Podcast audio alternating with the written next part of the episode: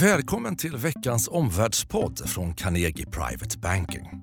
Det är torsdag 15 februari. Klockan är 10.45. Vi är mitt i peak influensa, peak vabruari. Verkligen. Riksbankschefen stannade hemma från pressmötet. Två hm chefer var sängliggandes på kapitalmarknadsdagen med mera, med mera. Här är vi friska och i fin form för att ge tre analyser på 10 minuter om händelser som formar vår investeringsmiljö just nu. Först ut, hej volatilitet. Ingen björn dock eh, i dörren. Vita husets budgetförslag. Trump allt mer kung av skulder. Och Italien. Vad är egentligen marknadens mardrömsscenario? Helena, fortsatt slagig vecka sen sist på världens börser. De allra flesta börserna har fallit sedan slutet av januari. Knappt upp, bara knappt upp i år. Stora frågan, rekyl eller recession? Är detta början på en bear market? Säker kan man ju aldrig vara, det ska väl nämnas, för alla nedgångar börjar ju smått. Men betänk att USA var upp hela 22 procent förra året, 2017. Klart mer än vad vinsten ökade. Sen inleddes det här året med 7 procent upp i januari. USA-börsen? Absolut USA-börsen, den viktigaste i världen. Den börsstyrkan och takten i den uppgången i USA, den var inte hållbar. Sen hade vi också en lång period utan ens en rekyl på 5% vilket är väldigt ovanligt. Vi gick nästan ett och ett halvt år utan en sån rekyl.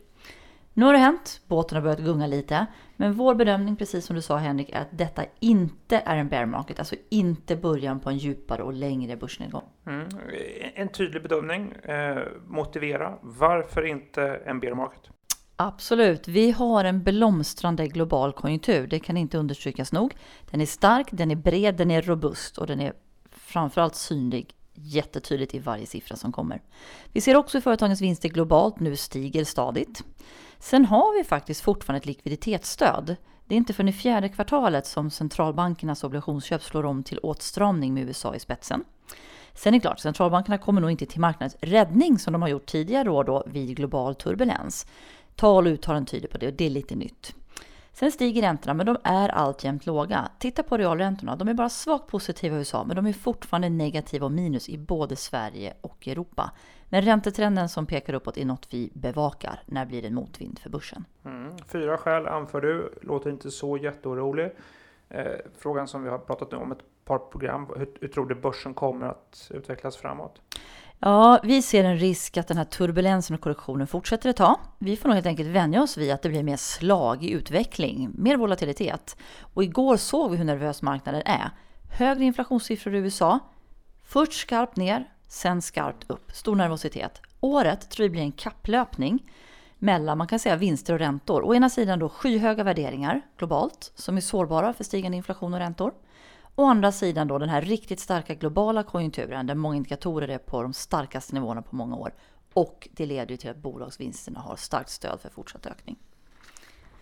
Som investerare dock så ska man veta att rekordhöga värderingar globalt, då ska man ta ner avkastningsförväntningarna på medellång sikt. Man kan inte få superavkastning år efter år, utan kanske en utveckling mer i linje med bolagsvinsternas ökning. Mm. Slutsatsen för en stor privatinvesterare? Ja, man får väl säga då hej och välkommen volatilitet med slagig börsutveckling. Men ingen bear market då blomstrande konjunktur och företagsvinster som stiger står emot. Helena, från detta till eh, Washington eh, och till Vita huset. Budgetförslag i veckan som berör de amerikanska statsfinanserna förstås. Trots eh, högkonjunktur där är det röda siffror tydligt i budgetförslaget. Det är växande underskott, det är växande statsskuld som marknaden nu börjar fästa blickarna på, viss uppmärksamhet. vad är din bild av läget? Ja, det är framförallt räntemarknaden som är orolig för det här, men USA har ju redan i utgångsläget en väldigt stor statsskuld. Runt 107 procent av BNP, att jämföra med Europas 87 procent av BNP. Sen vet vi att Trump har levererat lägre bolagsskatter, men de är lånefinansierade skattesänkningar som adderar till statsskulden ordentligt de kommande tio åren. Och sen då det du pekar på, i slutet på förra veckan kom kongressen med ett förslag på ytterligare budgetsatsningar på hundratals miljarder bara de kommande två åren. Republikanerna och Trump de vill gärna satsa på militär eh, och då fick de ge Demokraterna en del för att få deras stöd. Det här innebär att själva budgetunderskottet är på väg mot minus 1000 miljarder dollar redan 2019. Det här är en storlek på underskottet, alltså stora röda siffror som vi inte har sett sedan efter den stora finanskrisen.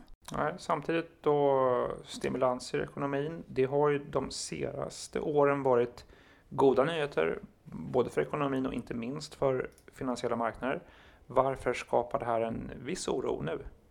Ja, det har med läget att göra. Det är klart att det i närtid kan ge lyft för amerikansk ekonomi och företagens orderingång. Men så här stora satsningar i ett läge då ekonomin redan är så stark så att den har nått full sysselsättning och att vi redan har begynnande tecken på stigande inflation, det såg vi i siffrorna igår, då är det riskfyllt. Lite intressant att senaste numret av tidskriften Economist, som ofta har väldigt roliga framsidor, faktiskt har en bil på väg att bli överhettad och i den så sitter president Trump och nya Fed-chefen Powell. Eh, I närtid så blir det framförallt då Feds syn på de här stimulanserna som blir intressant. För det kan ju leda till mer aggressiva räntehöjningar. Och som vi har sagt tidigare, nästa möte i fokus 21 mars. Powells första. Jag nämnde detta om röda siffror i budgeten. Vi får förstås se om Trumps budgetförslag får ett grönt ljus eh, i kongressen. Konservativa republikaner ogillar ju redan eh, bolagsskattesänkningen som ökade underskotten. Just att det var ofinansierat. Eh, så ja, mycket tyder på ett motstånd mot budgetförslaget får man ju säga. Vi följer naturligtvis det här. Eh, vad tycker du är slutsatsen nu för en privatinvesterare? Alltså signalen om att man är beredd att föra en oansvarig budgetpolitik, det kan ju faktiskt göra att Fed höjer mer än väntat. För satsningar kan riskera att skapa inflation, men också skada förtroendet för statsfinanserna. Mm. Vi kollar Fed-mötet. Ja, Henrik. Tredje frågan. Italien går till val den 4 mars och det är lite av en supervaldag i Europa. För det är också så att tyska SPD samma dag ska redovisa medlemsomröstningen om den här storkoalitionen med Merkel. Eh, varför är det italienska valet så viktigt och, och hur ser läget ut, Henrik? ja, eurozonens tredje största ekonomi, sannolikt också den mest sårbara med en statsskuld på över 130 procent av BNP. Det är högst i eurozonen efter Grekland. Samtidigt är det här med liksom så här trippla, eh, tre stycken underliggande latenta lågintensiva kriser. Dels en politisk latent kris, dels en latent bankkris med dåliga lån och dessutom då en, en mycket ansträngd migrationssituation. Det råder en viss eh, tillväxt ska sägas i Italien, men det är sämre än i andra EU-länder. Och dessutom då inte minst centralt inför valhändelsen, vi har en av eurozonens och EUs allra mest eurokritiska opinioner. Så det där sammantaget gör ju till en, en, en besvärlig makromiljö och i den makromiljön så är det då valhändelsen 4 mars där det inte ser ut att finnas majoritet för någonting alls just nu. Det är ett öppet läge samtidigt som mätningarna indikerar mer inflytande för nationalistpartier och anti-EU-partier. Leder opinionsmätningarna? Det gör det eh, anti-etablissemangsrörelsen, anti femstjärnerörelsen, eh, Beppe Grillos gamla parti, eh, på 28 procent. Ehm, Demokratiska partiet, det nuvarande regeringspartiet, Rensis parti, ligger på 23 procent. På 16 procent hittar du Forza Italien, Silvio Berlusconi. 14 procent högerpopulisterna Lega Nord. Det, det, är ett mycket eh, öppet, mycket besvärligt läge. Samtidigt då som vi vet att det är en dålig kvalitet på opinionsmätningarna i Italien. Det i kombination med att det är ett väldigt komplext valsystem eh, gör det svårt att eh, riktigt bedöma utfallet av, av opinionsläget. Eh, ja, historiskt så är det också så, särskilt i Italien, att opinionsmätningarna har underskattat populistpartierna. Jag bäddar för en spännande period efter 4 mars. Men vad är marknadens basscenario, Henrik? Och vilket är deras värsta mardrömsscenario? Basscenariot är, eh, givet då det jag just sa, basscenariot är att det, det, det kommer bli besvärligt att eh, forma en regering i Italien. Ska du ändå försöka kalibrera fram eh, någon koalition så möjligen, det många bedömare på plats pekar på att ja, men i det fragmentiserat läget så är, är det ändå eh, kanske mest sannolika en mittenregering med Demokratiska partiet och Forza Italien. Det är egentligen då en tysk lösning, en stor koalition i Italien. Eh, men vi får verkligen se detta. Marknadens mardrömsscenario, eh, det är om uppdraget att bilda regering går till femstjärnerörelsen tillsammans med högerpopulisterna Lega Nord. Det är de två mest euronegativa partierna. Då får vi en klart euroskeptisk italiensk regering, regering som skulle skaka räntemarknaden, det skulle pressa euron och det skulle pressa Europabörserna. Även om femstjärnerörelsen har tonat ner kraven på till exempel en folkomröstning eh, om utträde med eurozonen så kan eh, marknaden ändå inte utesluta att det här blir disruptivt för Europasamarbetet och att steg tas bort från eh, euron. Dessutom ska man väl säga det, alltså en sån konstellation eh, saknar förslag som långsiktigt löser Italiens strukturella problem med just stor statsskuld, låg produktivitet och låg arbetskraftsdeltagande. Mm. Som investerare då, Henrik, vad ska man hålla ögonen på? Vad är det man ska följa? Ja, var uppmärksam på detta datumet, 4 eh, mars. Valhändelsen kan pressa räntemarknaden, euron och skapa osäkerhet på Europas börser.